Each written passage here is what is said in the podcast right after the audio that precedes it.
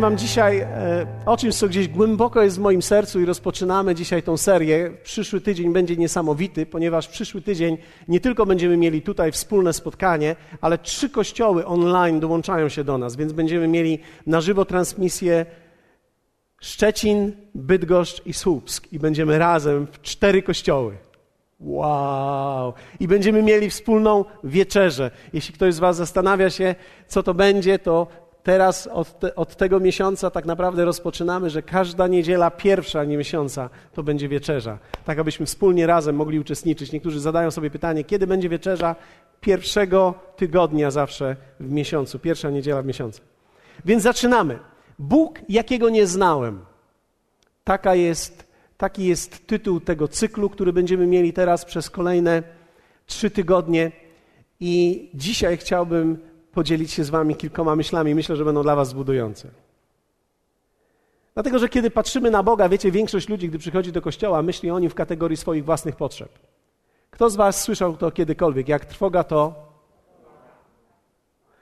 Ja nie sądzę, że to jest coś złego, kiedy trwoga to do Boga. Wydaje mi się, że to jest coś zupełnie naturalnego, kiedy mamy potrzeby, a szczególnie takie, które wiemy, że nikt już nie jest w stanie nam ich dać i zaspokoić, to wtedy szukamy tego kogoś, kto jest wszechmogący.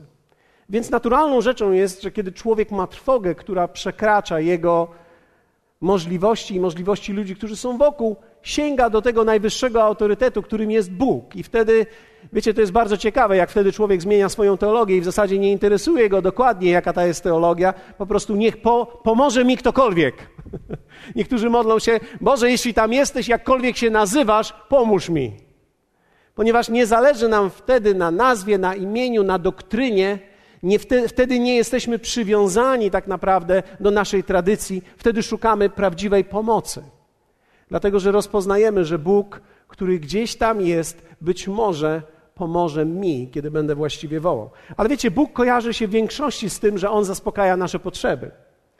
I wierzę, że tak naprawdę to jest jedna z takich części głównych, która przyciąga nas do Boga. To jest właśnie to, że widzimy w Nim, że On może zaspokoić nasze potrzeby, że daje nam coś, że możemy od Niego coś otrzymać. Ale dzisiaj powiemy sobie o Bogu, o którym nie wiedziałem i o Bogu, którego nie znałem. Dzisiaj powiemy sobie o Bogu, który ma potrzeby. Dzisiaj powiemy sobie o Bogu, który ma potrzeby. On ma potrzeby. Dzisiaj zwrócimy nieco ten kierunek z tego, że my mamy potrzeby i siedzimy tu mówiąc, Panie, błogosław nas i przyjrzymy się temu, który sam ma potrzeby. A w przyszłym tygodniu będziemy mówili o tym, że Bóg jest kuszony. I jak Bóg ma pokusy. Jak one działają na Niego. Więc dzisiaj powiemy sobie parę słów o potrzebach. Spójrzcie na pierwszą księgę Mojżeszową albo księgę rodzaju. Pierwszy rozdział 25-31. Dzisiaj nie mamy tekstów wyświetlanych, więc musicie otworzyć swoje iPady, iPhony, fony różne i i różne i, i tekst Biblii. Jeśli ktoś z Was nie ma Biblii, wow, ukradnij po cichutku sąsiadowi. Powiedz mu, żeby spojrzał gdzieś i wtedy mu weź. To nie jest takie trudne, żeby znaleźć pierwszą Mojżeszową Księgę Rodzaju, pierwszy rozdział, werset 25. Większość z nas czytała ten tekst albo słyszała go prawdopodobnie gdzieś. Na pewno, gdy zacznę czytać, zobaczycie, że jest on znany wam. I uczynił Bóg dzikie zwierzęta według rodzajów ich, i było według rodzaju jego, i bydło według rodzaju jego. I wszelkie płazy ziemne według rodzajów ich, i widział Bóg, że to było dobre. Potem rzekł Bóg: Uczyńmy człowieka na obraz nasz, podobnego do nas, i niech panuje nad rybami morskimi, i nad ptactwem niebios, i nad bydłem, i nad całą ziemią, i nad wszelkim płazem pełzającym po ziemi. I stworzył Bóg człowieka na obraz swój. Na obraz Boga stworzył go, jako mężczyznę i niewiastę stworzył ich. Wszyscy mężczyźni powiedzą: Halleluja. Halleluja. Jeszcze raz. Yeah. I kobiety powiedzą Amen.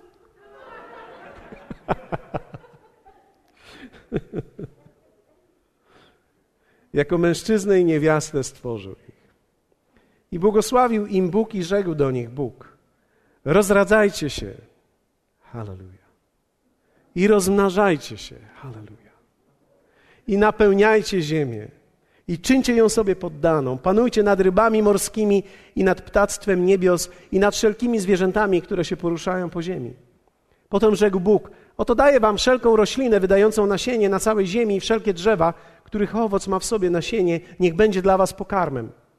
Wszystkim zaś dzikim zwierzętom i wszelkiemu ptactwu niebios i wszelkim płazom na ziemi, w których jest tchnienie, tchnienie życia, daje na pokarm wszystkie rośliny. I tak się stało. I spojrzał Bóg na wszystko, co uczynił, a było to bardzo dobre. I nastał wieczór, i nastał poranek, dzień szósty. Czy to nie jest ciekawe, że wszystko to, co Bóg stwarzał do momentu, kiedy stworzył człowieka, nazwał dobrym? A kiedy stworzył człowieka, możecie to zauważyć w swojej Biblii, nazwał to czymś bardzo dobrym. Kiedy stworzył człowieka, powiedział: To mi się udało dopiero. Niektórzy ludzie, gdy zadajemy im pytanie, co myślą o, o Bogu, to czasami mówią tak, że wszystko dobrze, tylko, im się, tylko się jemu człowiek nie udał. Ale wiecie, kiedy Bóg patrzy na człowieka, kiedy go uczynił, powiedział, to było bardzo dobre, udało się.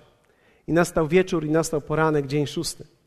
Ten fragment, wiecie, kiedy patrzymy na ten fragment, patrzymy na to, co Bóg zrobił i co Bóg powiedział. Powiedzmy razem, zrobił i powiedział. Wiecie, kiedy ktoś coś robi, kiedy ktoś coś mówi, można zobaczyć, jaki jest. Czasami mówię do, do ludzi, że kiedy z kimś porozmawiam pięć minut, od razu wiem, czym żyje. Czasami rozmawiamy o Bogu i wtedy ten człowiek tak. To jest mniej więcej jego aktywność. I później przechodzimy na inny temat. To, co on lubi. Wędkarstwo i nagle się ożywia. Albo jakiś działkowi, czyli nagle te rośliny i te rośliny. Albo jakiś gadżeciarz iPhone, iPad. I do, I need. I... Mm. Wtyczka do tego, wtyczka do tego. Mam kilku takich przyjaciół, oni mnie przerażają. Mirek jest takim gadżeciarzem. On ma wszystkie nowości. Wszystko, cokolwiek tylko pojawia się, on już to ma. On to ma, zanim ma, to w sklepie jest. On już to ma. Wszystkie przewody. On już dzisiaj... Wiecie, co ostatnio wynalazł? Powiem wam, co ostatnio wynalazł. Ostatnio wynalazł aplikację do sprawdzania snu. Słyszeliście kiedyś o czymś takim? Większość z Was tego nie słyszała, ale on wynalazł aplikację, znaczy nie wynalazł, on znalazł. Ktoś wynalazł, a on znalazł, ale wiecie, gadżeciarze znajdą, gdy ktoś coś wynajdzie. Do sprawdzania snu, który sprawdza, w którym momencie nocy ty się wybudzasz i w którym momencie śpisz głęboko. I to jest oczywiście na iPhone'ie. I to jest oczywiście coś. Ale wiecie, człowiek czymś żyje, czymś się interesuje, i w momencie, gdy to czyni i gdy o czymś mówi, możemy poznać człowieka. Tak? Tak samo też jest z Bogiem. Kiedy patrzymy na Niego, co On mówi i co On uczynił, możemy zobaczyć, jaki On jest. Jaki On jest. I dzisiaj powiemy sobie o potrzebach Bożych, ponieważ kiedy Bóg coś uczynił i kiedy Bóg coś powiedział, od razu widać, jakie są Jego potrzeby jako Boga.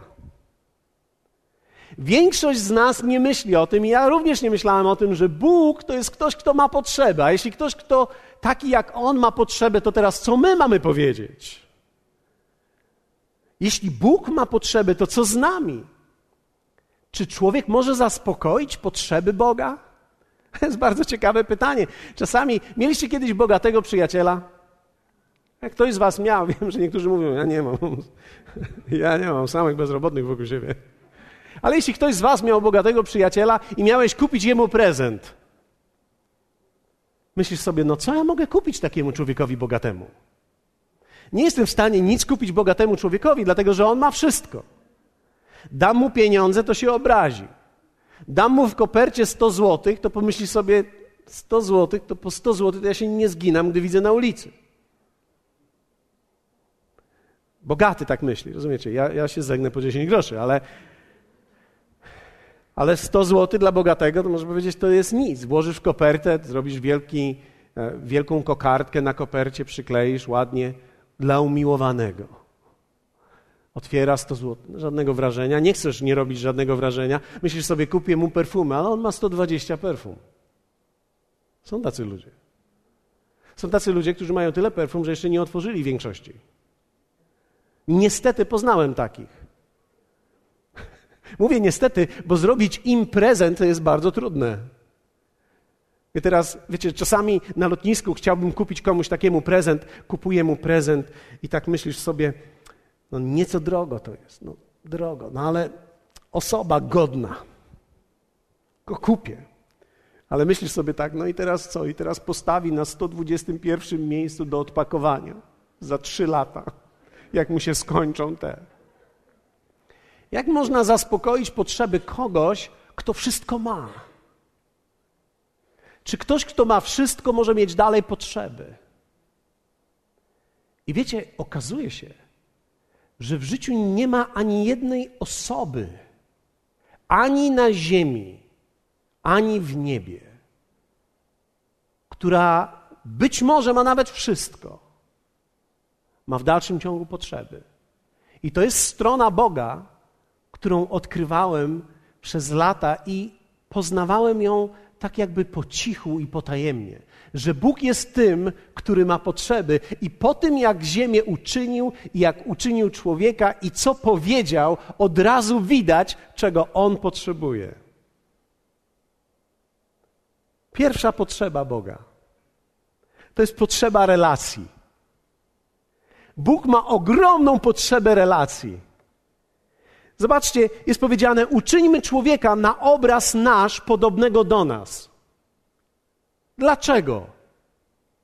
Dlatego, że relacje można być, mieć tylko z kimś, kto jest taki jak my. Bóg miał tak ogromną potrzebę relacji, że uczynił kogoś, kto jest taki jak On. Uczynił nas podobnymi, gdyż tylko z kimś, kto jest taki jak Ty, będziesz chciał mieć relacje. Zobaczcie, jak to jest, że ludzie się w życiu szukają. Ludzie, którzy mają ciągle problemy, znajdą tych, którzy mają ciągle problemy. Dlaczego? Bo nie chcemy być z ludźmi, którzy nie mają problemów. Chcemy być z ludźmi, którzy nas rozumieją, z którymi możemy porozmawiać, którzy, gdy my o czymś mówimy, oni mówią: Tak, tak samo jest u mnie. U mnie jest tak samo. Mam te same problemy, mam podobne problemy, mam sytuacje podobne. Szukamy podobieństwa. Zwróćcie uwagę, że tak właśnie powstają różnego rodzaju kluby motocyklowe. Tak? Mamy, mamy tutaj przynajmniej jednego przedstawiciela klubu motocyklowego. To, to jest genialne, bo ci ludzie mają motory i teraz, kiedy ktoś ma motor, szuka kogoś, kto ma motor słyszy ten dźwięk. Na ulicy, gdy przejeżdża, on już wie, że to. A, on się odwraca. To samo widzimy w sytuacji, gdy kobieta zachodzi w ciążę. Kiedy kobieta zachodzi w ciążę, nagle widzi wszystkie kobiety, które są w ciąży. Nagle widzi, a, tyle kobiet jest w ciąży. A. Ta kobieta, która ma dziecko, nagle widzi te wszystkie, które mają dzieci. Mają te same problemy, mają podobną sytuację, w związku z tym chcą razem się gromadzić, chcą być razem ze sobą. Ciekawe to jest, że w momencie, kiedy mamy różnego rodzaju galerie, a w tych galeriach takie miejsca do zabaw dla dzieci, to nie jest miejsce do zabaw dla dzieci i emerytów, gdzie emeryci wchodzą po drabinkach i ćwiczą, i dzieci biegają między nimi. Tylko mamy miejsce dla mam, tatusiów, wujków, babć, dziadków, i oni mają podobny problem, bo mają problem, podobne błogosławieństwo, tak? Brzmi to jakby dziecko to był problem. No dziecko to nie jest problem. Błogosławieństwo. Mają podobną sytuację, więc oni siedzą razem, patrzą na swoje dzieci. Widzisz, to tamten to jest mój Krystian. Twój Krystian bałagani. Prawda? A ten jest taki. Więc, więc nagle mamy podobieństwa, podobieństwa łączą i kiedy Bóg uczynił człowieka na swój obraz i podobieństwo, On uczynił nas tak, bo On chciał mieć relację. On ma wielką potrzebę bycia. Teraz, kiedy miałem okazję pojechać, e, poleciałem w zeszłym tygodniu do Houston, do Teksasu i kiedy byłem w Houston, pewna rodzina zabrała mnie i odstawili mnie do takiego domku parafialnego, który jest przy kościele. Odstawili mnie tam i powiedzieli, że przyjadą po mnie na drugi dzień o 13. I wiecie, od 18 jednego dnia ja byłem do 13 kolejnego dnia sam. Byłem w Teksasie, byłem daleko, kilka kilometrów od jakiegoś człowieka. Przypomniały mi się wszystkie filmy, które niepotrzebnie obejrzałem. Teksańska masakra. Stałem przy oknie i mówiłem: Help, help, help. Z dali słychać było w nocy pociągi. Myślałem sobie, jestem tu sam. To jest ostatnia rzecz. Ja, ja, ja mam taką naturę, że ja potrzebuję ludzi do życia. To zresztą widać od razu, prawda? Ja oddycham, gdy są ludzie. Nawet niekoniecznie zawsze ci, których lubię. Po prostu niech ktoś będzie. Niech ktoś będzie ze mną. Są tacy ludzie, którzy lubią samotność i chcą być na samotnej wyspie. To jest Artur Skrzycki. On chce być na samotnej wyspie z gitarą, z Biblią. I jego żona ma do dzisiaj mu to za złe, że nie chciał jej wziąć na tą samotną wyspę, bo wtedy nie byłaby ona samotna, oni by ją zaludnili, prawda?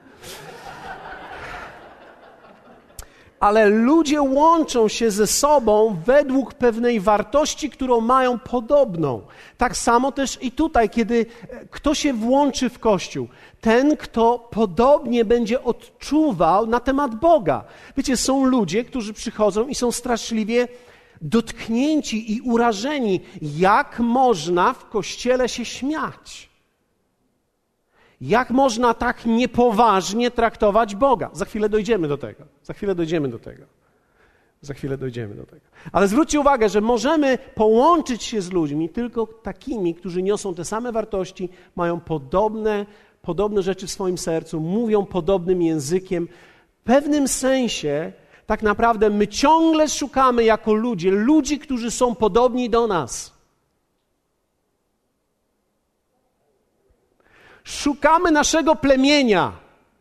Są różne kościoły i my mówimy, są wspaniałe kościoły, wiele kościołów jest wspaniałych, woda życia jest wspaniała, to jest jakby inne plemię. Ono ma swój język, ma swój zapach, ma swoją kulturę, ma pewnego rodzaju swoje odbicie, dynamikę. Pastor jest nieco szalony, czasami go nie można powstrzymać, czasami się niektórzy wstydzą, że mają takiego pastora, i to jest wpisane w pakiet wody życia. To jest nasza kultura, to, to, jest, to jest nasze plemię. Są ludzie, którzy lubią, gdy jest bardzo cicho, gdy jest bardzo poważnie. Ja nie jestem taki. I wiem o tym, że ja kocham tych poważnych, ale na dłuższą metę to my w przedziale razem nie będziemy.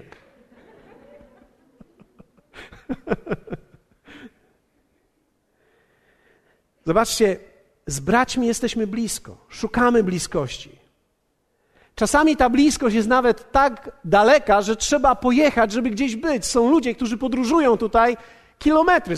Przyjechali tutaj ludzie ze Słupska, włączają się online ludzie z całej Polski i tak naprawdę z całego świata, nawet z Majorki. Wyobraźcie sobie, że na Majorce ktoś nas ogląda. W tak pięknym miejscu nie ma nic innego do zrobienia, tylko włączyć się. Dlaczego? Bo, bo jest coś wspólnego, bo jest jakiś klimat, który nas łączy. Niektórzy wracają tutaj, ci, którzy wyjechali, wiecie, Kościół jest zawsze dynamiczny, są ludzie, którzy wyjeżdżają, są ludzie, którzy odchodzą, są ludzie, którzy gdzieś muszą za pracą wyjechać i ludzie wracają i mówią, cieszę się, że mogę być w domu. Dlaczego? Bo dom to są ludzie, którzy podobnie mówią, podobnie myślą, łączą się i to jest ogromna potrzeba Boża i to jest ogromna potrzeba również nasza. On nas uczynił takimi, jakim On sam jest. My mamy potrzebę relacji i On ma wielką potrzebę relacji. Bóg chce mieć relację z Tobą. Wiecie, często kiedy mówimy o modlitwie, myślimy o niej w takich kategoriach. No tak, trzeba się modlić. Muszę się modlić, no bo przecież muszę się modlić. Ale wiesz, to nie chodzi o to, że ty potrzebujesz się modlić. Chodzi o to, że ty, kiedy przychodzisz do Boga, kiedy ty przychodzisz do Boga, sprawiasz Jemu ogromną przyjemność. Czy wiesz, że Bóg jest tym, który czeka na ciebie? Zanim ty dotrzesz na to miejsce modlitwy, on już na ciebie tam czeka. On już idzie, aby być razem ze mną, aby spotkać się ze mną. Bóg kocha tę. Bóg kocha tę relację z tobą. Nawet jeśli jest nieporadna, bo niektórzy ludzie mówią, ale ja nie umiem się modlić, a tak.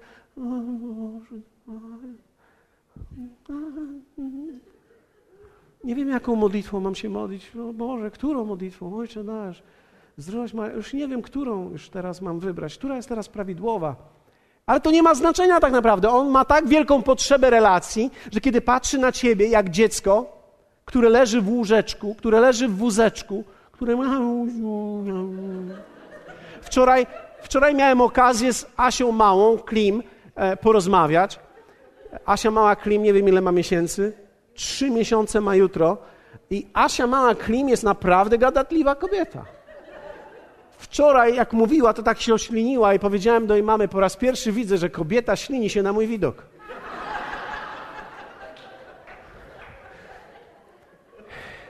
Nawet małe dziecko, nawet małe dziecko potrzebuje tej relacji, potrzebuje dotyku, potrzebuje tego bycia razem, nawet jeśli ta komunikacja nie jest prawidłowa. I kiedy ty przychodzisz do Boga i nie wiesz już teraz, z której strony tą modlitwę zacząć i która jest prawidłowa, mam teraz od dziękczynienia, od uwielbienia, od wstawiennictwa. Już teraz, wiecie, ci, którzy, ci, ci ludzie, którzy się tak naprawdę już wyszkolą, to oni mają największy problem czasami. Ci, którzy się wyszkolą, to oni już teraz wszystko wiedzą i tak w końcu stają i mówią, już teraz to już nic nie wiem. Tak? To jest tak, jakbyś przeszedł całą szkołę i teraz trzeba życie zacząć. To jest jakbyś przeszedł cały kurs przedmałżeński, a teraz trzeba w małżeństwo wejść i się okazuje teraz, że którą zasadę mam zastosować, to już teraz nie pamiętam. Czy to jest ta zasada, że ja jestem tą głową, czy to jest ta zasada, że teraz ja mam również jej słuchać? Już teraz sam nie wiem. Życie, okazuje się, wymaga jednak przetarcia i w nim chodzi o tą relację i to jest wielka Boża potrzeba. Bóg zawsze chciał być potrzebny, ale nawet coś więcej. On chciał być chciany. Wiecie, Bóg ma w sobie wszystko to, czego my potrzebujemy, ale On nie chciał, żebyśmy my przychodzili do Niego tylko dlatego, że czegoś potrzebujemy. On chciał, żebyśmy do Niego przychodzili, bo to jest przyjemność dla nas i dla Niego. On chciał być wybrany, On chciał być chciany. On bardziej czeka na Ciebie niż Ty na Niego. Druga potrzeba. To jest potrzeba dawania. Bóg ma wielką potrzebę dawania. Zobaczcie, jest powiedziane: Oto daję wam. I tam jest wymienione, co dał. Jedna z największych potrzeb Bożych to dawanie. Wiecie, większość ludzi myśli, że trzeba tak naprawdę Boga się nabłagać, żeby coś dał. Trzeba go tak we właściwym momencie podejść. To jest tak, jak niektórzy we właściwym momencie muszą podejść żonę chcą sobie kupić gadżet. I wierzę w to, że Mirek dobrze to wy, wytrenował, żeby teraz podejść do Izy, to, to on musi we właściwym momencie. Kochanie, wiesz, chciałbym sobie kupić taki mały ten. Nie, nie drogie, nie drogie. Nie. Więc on musi teraz tak. Wiecie, większość ludzi myśli, że teraz Boga trzeba podejść, że On nie chce nam dać, więc teraz musimy go jakoś zmusić do tego, żeby nam coś dał. Ale tak naprawdę Biblia okazuje nam i objawia nam Boga, który nieprawdopodobnie ma potrzebę dawania w ogóle. On chce dawać ciągle, on od rana do wieczora chce dawać. Ktoś może będzie, no co mi dał? Dziś rano? Pomyśl. Oddech. Są ludzie, którzy zasnęli, już się nie obudzili, a ty się obudziłeś. Otworzyłeś oczy i oczywiście niektórzy powiedzieli, dzisiaj to lewą nogą. Dzisiaj to, no dzisiaj, o dzisiaj do kościoła. Ale są ludzie, którzy to odkryli, powiedzieli, znowu żyję. Wow, mam kolejny dzień. To jest dar Boży. Ten dzień to dar Boży. Dlatego też większość ludzi myślą, że muszą błagać, żebrać, a Bóg jest jak surowy wychowawca domu poprawczego, który nie chce ci dać, no ale musi, żebyś przeżył. Czyli Bóg musi cię tak jakoś tak utrzymać na tej krawędzi życia, żebyś tak ledwo przeżył, ale żebyś żył.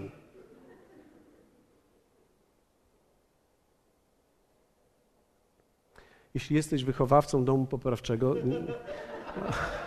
wybacz, ja tutaj powiedziałem zły wychowawca, tak? Taki surowy. Jeśli jesteś tym miłym i ciepłym i, i rozdajesz wszystko, co masz, to, to okej. Okay. Tymczasem Jezus pokazuje nam Boga, Ojca, w taki sposób. Jeśli więc wy, którzy jesteście źli, umiecie dawać dobre dary swoim dzieciom, o ileż bardziej Ojciec, o ileż bardziej Ojciec. Bóg ma wielką potrzebę dawania i kiedy my nie przyjmujemy, to go smuci. Kto z Was jest ojcem albo mamą? Jest nas trochę tutaj. Czy to nie jest radosne, że możemy dawać dzieciom? Niektórzy chcieliby dać, ale nie mogą dać tego, co by chcieli nawet dać. I czy to nas to nie zasmuca? Czy nas to nie zasmuca, że musisz iść do sklepu i powiedzieć dziecku, nie te buciki za 139, zobacz na te za 63. Chciałbyś kupić za 139, ale, ale nie możesz. I najwięcej smutku nie wyrządzasz w tym momencie dziecku, najwięcej smutku nosisz w sobie, bo chciałbyś. Masz wielkie pragnienie dawania, i teraz wyobraźcie sobie Bóg, który posiada wszystko. Jedno z największych marzeń Jego życia to jest zaspokajać Twoje potrzeby i dawać w Twoje marzenia. To jest nie tylko to, że On chce Ci dać to, czego Ty potrzebujesz, Boże, ja muszę przeżyć do 31. Dzisiaj jest dopiero 21. 10 dni, proszę cię. Niektórzy mają taki obraz i myślę, że w taki obraz on nie może dać, bo kiedy przychodzisz do niego i błagasz go, myśląc, że on jest tam surowy, no, zobaczę, co się zastanowię. Się zastanowię, czy ci dać. No. Przecież przeżyjesz i tak, wiadomo, prawda? To 10 dni 10 dni postu ci się przyda. Bóg taki nie jest. Bóg jest zainteresowany tym, czego ty pragniesz, a nie czego potrzebujesz. Ja nie chcę dzisiaj dawać moim dzieciom, czego potrzebują, tylko ja chcę z radością dawać, czego pragną. Największa radość życia to rozdać wszystko. Największa radość życia to jest oddać wszystko, co się ma dla ludzi, których się kocha i dla tego, którego kocham. Bóg ma wielką potrzebę dawania. Trzecia potrzeba Boża to jest potrzeba wspólnoty. Zobaczcie, on powiedział tak: rozradzajcie się i rozmnażajcie. Powiedzmy razem rozmnażać i rozradzać. Aleluja. Jak ja żałuję, że nie mamy więcej dzieci z moją żoną. Ach, pomyślałem sobie, wiecie, kiedy człowiek był młody, myślał sobie tak, jedno dziecko, drugie dziecko, jedno, jedno, bo dzisiaj są takie czasy. No.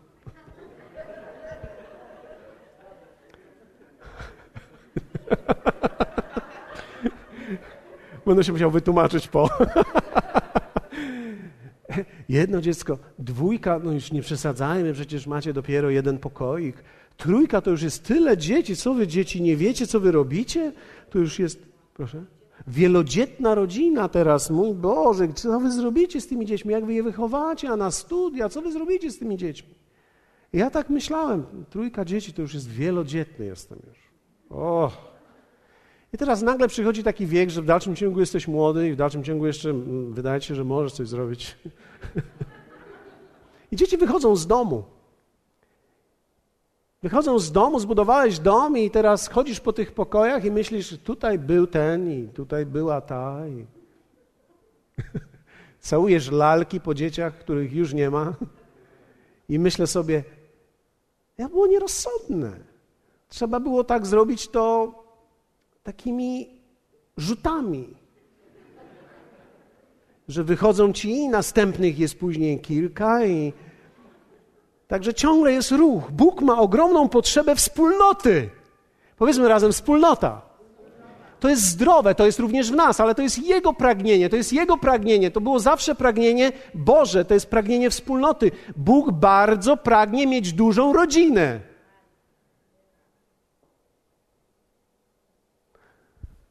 Bóg nie jest ojcem, który mówi: No, teraz tak źle się dzieje na świecie, to jedno dziecko bym tylko chciał. Niech się tylko jeden nawróci, bo no, czym ich wykarmię? Kaznodziejów nie ma, pastorów nie ma. Czym wykarmię? Duszpasterzy nie ma, kościoły niepobudowane jeszcze. Jedno dziecko. Nie, Bóg chce mieć dzieci, pewno będziemy je upychać gdziekolwiek, nosić w czymkolwiek, ponieważ On chce mieć rodzinę. Wielką rodzinę. Wiecie, Mateusza 23 pokazuje taki fragment, zobaczcie, chciałbym, żebyście zobaczyli. Jezus mówi tak: Jeruzalem, Jeruzalem, które zabijasz proroków i kamieniujesz tych, którzy do ciebie byli posłani. Powinienem to przeczytać tak trochę na smutno, prawda? Bo to taki fragment jest Jeruzalem, Jeruzalem. Ileż to razy chciałem zgromadzić dzieci Twoje i teraz jak kokosz zgromadza pisklęta swoje pod skrzydła, a nie chcieliście. Jakiś to jest piękny obrazek. Wyobrażacie sobie, kto z Was widział kiedyś taką wielką kurę? Kto z Was wychował się, widział kiedyś na wsi taką wielką kurę, która ma takie kurczaczki która tak zbiera je.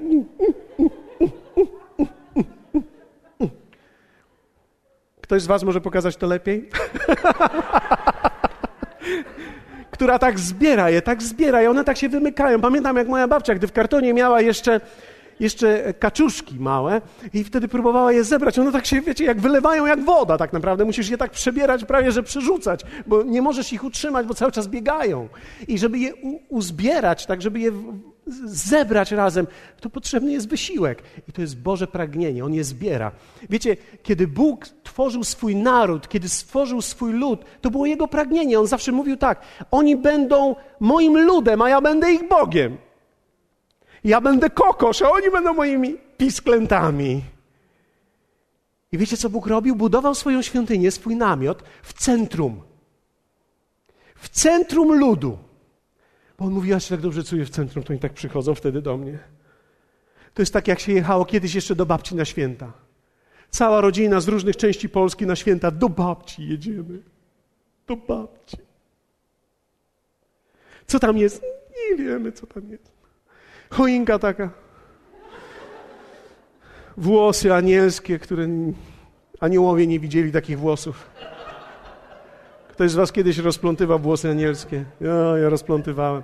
Jak ja się cieszyłem, jak mogą być nowe. A jak stare były włosy anielskie, takie poskręcane i takie jeszcze z poprzedniej choinki jeszcze te igły pozostały, ale tak i watą śnieg robiliśmy. O, jakie to były cudowne chwile. Moja mama zawsze przynosiła paczkę waty, mówi, ubierzesz choinkę. O, o, wtedy to się ubierało choinki.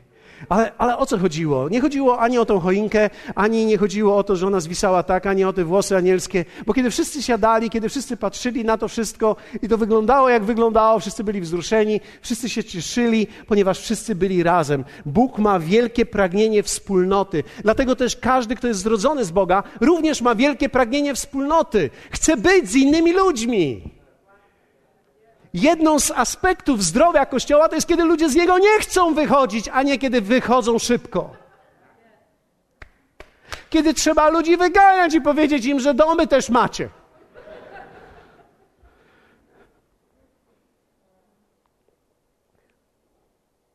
I dzisiaj powiem jeszcze o ostatniej potrzebie na koniec, bo już widzę, że mam zero czasu. A to zawsze mnie przygnębia. Więc zrobię taki punkt, który jest dobry. Bóg ma wielką potrzebę radości i śmiechu. I spojrzał Bóg na wszystko, co uczynił, a było to bardzo dobre. Hebrajski tekst jest dynamiczny tutaj i mówi o czymś takim jak kobieta, która upiecze ciasto i jej się uda. I jest wtedy święto. Czy są ciasta, które są nieudane? Ja kiedyś spróbowałem nowego przepisu i próbowałem zrobić ciasto e, z kaszy manny. I można było wziąć to ciasto i tak o stół, żeby dzielić tym ciastem. Ale są takie ciasta, które naprawdę można zjeść, które można przekroić. I to, I to jest tak, jak Bóg tak się cieszył. On świętował. Wiecie, co On uczynił? Czy to nie jest ciekawe, że Bóg uczynił człowieka w momencie, kiedy miały być święta? Skończyła się praca i człowiek powstał i Bóg mówi: No, teraz już jest wszystko skończone, teraz będziemy mieli szabat. Teraz będziemy świętować.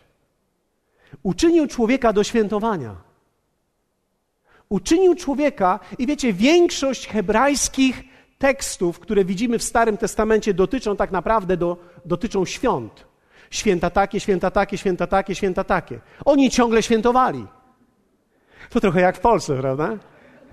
My mamy niedaleko do tych, do tych hebrajskich. My mamy długie weekendy teraz. Jak mamy długi weekend, o, się tak cieszymy, mamy długi weekend. Teraz mamy kolejny długi weekend i kolejny długi weekend i kolejny długi weekend i święta mamy i za chwilę znowu jakieś święta i od tych świąt do tych świąt. Żydzi mieli mnóstwo tych świąt. Dlaczego? Bóg je ustanawiał. Dlatego, że Bóg pragnął święta i On kocha radość, kocha, kiedy ludzie się cieszą, kiedy ludzie się śmieją. On jest w tym. Pierwsze miejsce, do którego Jezus przyszedł w czasie swojej ziemskiej służby, to nie była świątynia. Uczta weselna. Pierwszy cud, który zrobił, to zamienił wodę w wino. On rozpoczął swoją służbę pod tytułem zabawimy się.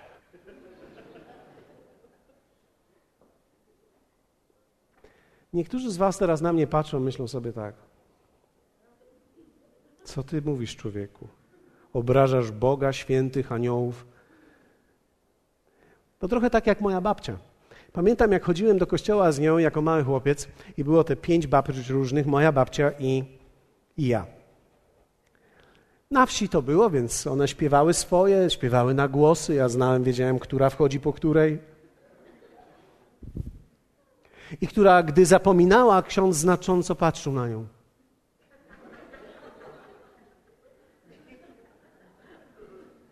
I wtedy ona zaczyna. To były bardzo ciekawe pieśni. Nie będę śpiewał teraz, żeby nie było, że się z kogoś naśmiewam, ale ja w dalszym ciągu brzmiało w moich uszach. Ja jako mały chłopiec nie wiedziałem, że Bóg jest aż taki poważny. Więc zawsze znajdowałem coś do śmiechu w tym kościele. Widziałem, że komuś się coś zawinęło. I jako mały chłopiec się śmiałem z tego. Moja babcia stała obok, patrzy na mnie. Bądź poważny. Miałem wrażenie, że moja babcia traktowała Kościół jak wyjście więźniów na apel więzienny.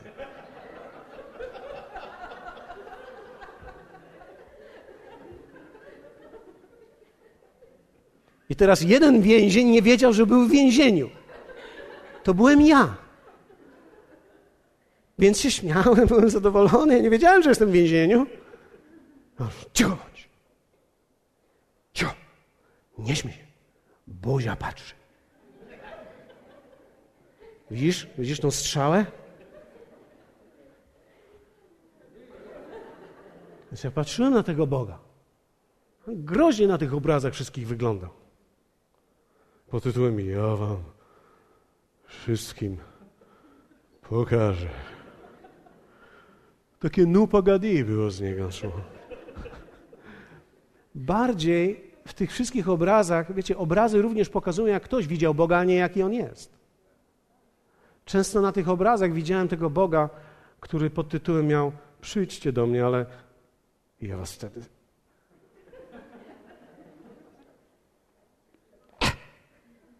I wtedy mi się przypomina Steven Seagal z chwytami. Ja nie chcę przyjść do niego. A więc na tym apelu więziennym byłem.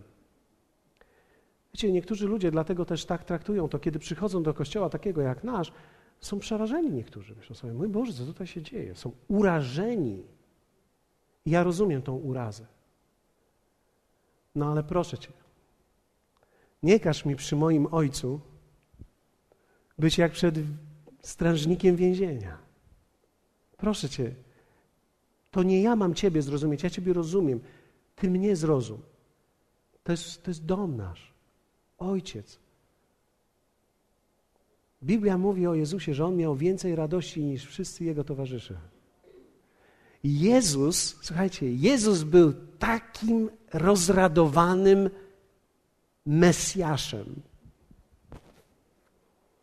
że grzesznicy lgnęli do niego. Bo przy nim mieli więcej radości niż przy pobożnych faryzeuszach.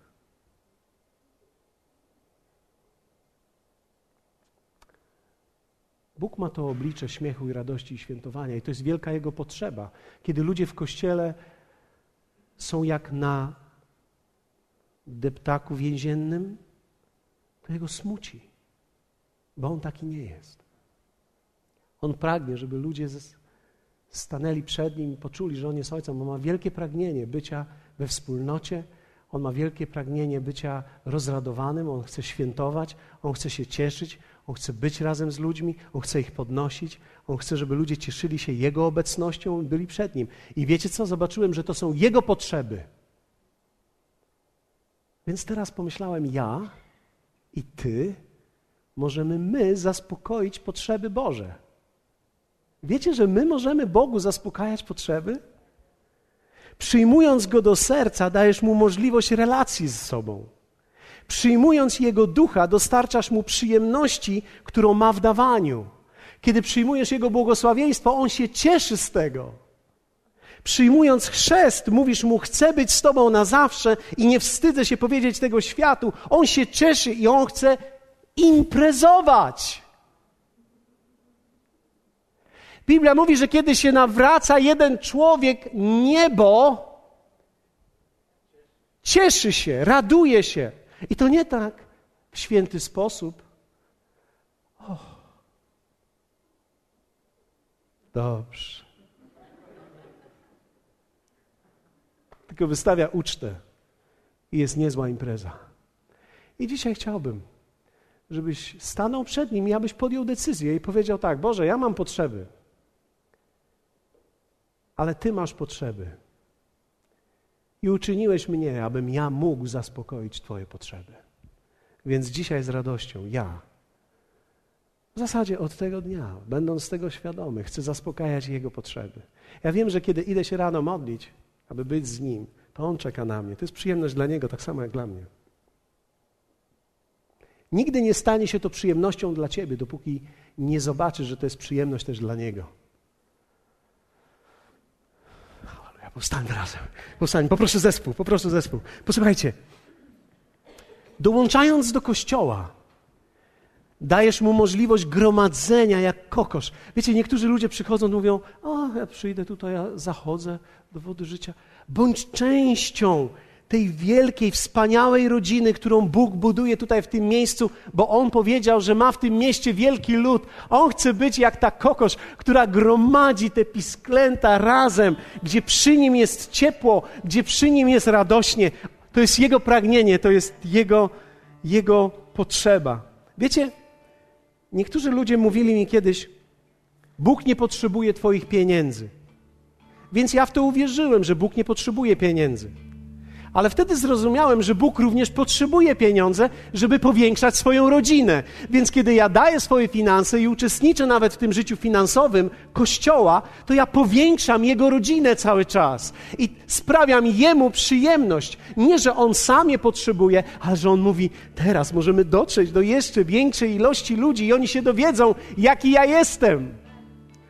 Jak wielu z Was widzi to, że świat musi poznać, jaki On naprawdę jest że jest Ojcem, że jest dobry, że ma potrzeby, że chce dawać, że chce błogosławić życie człowieka, że nie jest groźnym strażnikiem, gdzie nie jest surowym wychowawcą, gdzie jest dobrym Ojcem, któremu my możemy również służyć. Jedna z największych radości, jaką mogą przyjąć i jaką mogą dać mi moje dzieci, to kiedy ja sprawiam im przyjemność, kiedy ja widzę, że się radują. Ja nie chcę widzieć, że one. Dziękuję bardzo.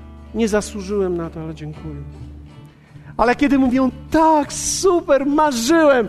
Oliwia to czasami powtarza i mówi, skąd wiedziałeś, że o tym marzyłam? Jak ktoś mówi, marzyłam o tym, to ja myślę sobie, o czym ona jeszcze marzy, bo mi się podoba, mi się podoba ten uśmiech, mi się podoba ten moment, kiedy mogę jej dać i ona wtedy nagle, skąd wiedziałeś? I tak naprawdę ta radość i to cieszenie się nie musi być wcale z wielkich rzeczy, może być z małych rzeczy. Bóg jest dobry. Kto z Was chciałby Jemu służyć dzisiaj? Zaspokoić Jego potrzeby. Jego potrzeby. Wyraźmy to w radości, którą mamy przed Nim. Zaśpiewajmy dla Niego. Nie dla nas, dla Niego. Nie śpiewajmy tego dla siebie, śpiewajmy dla Niego.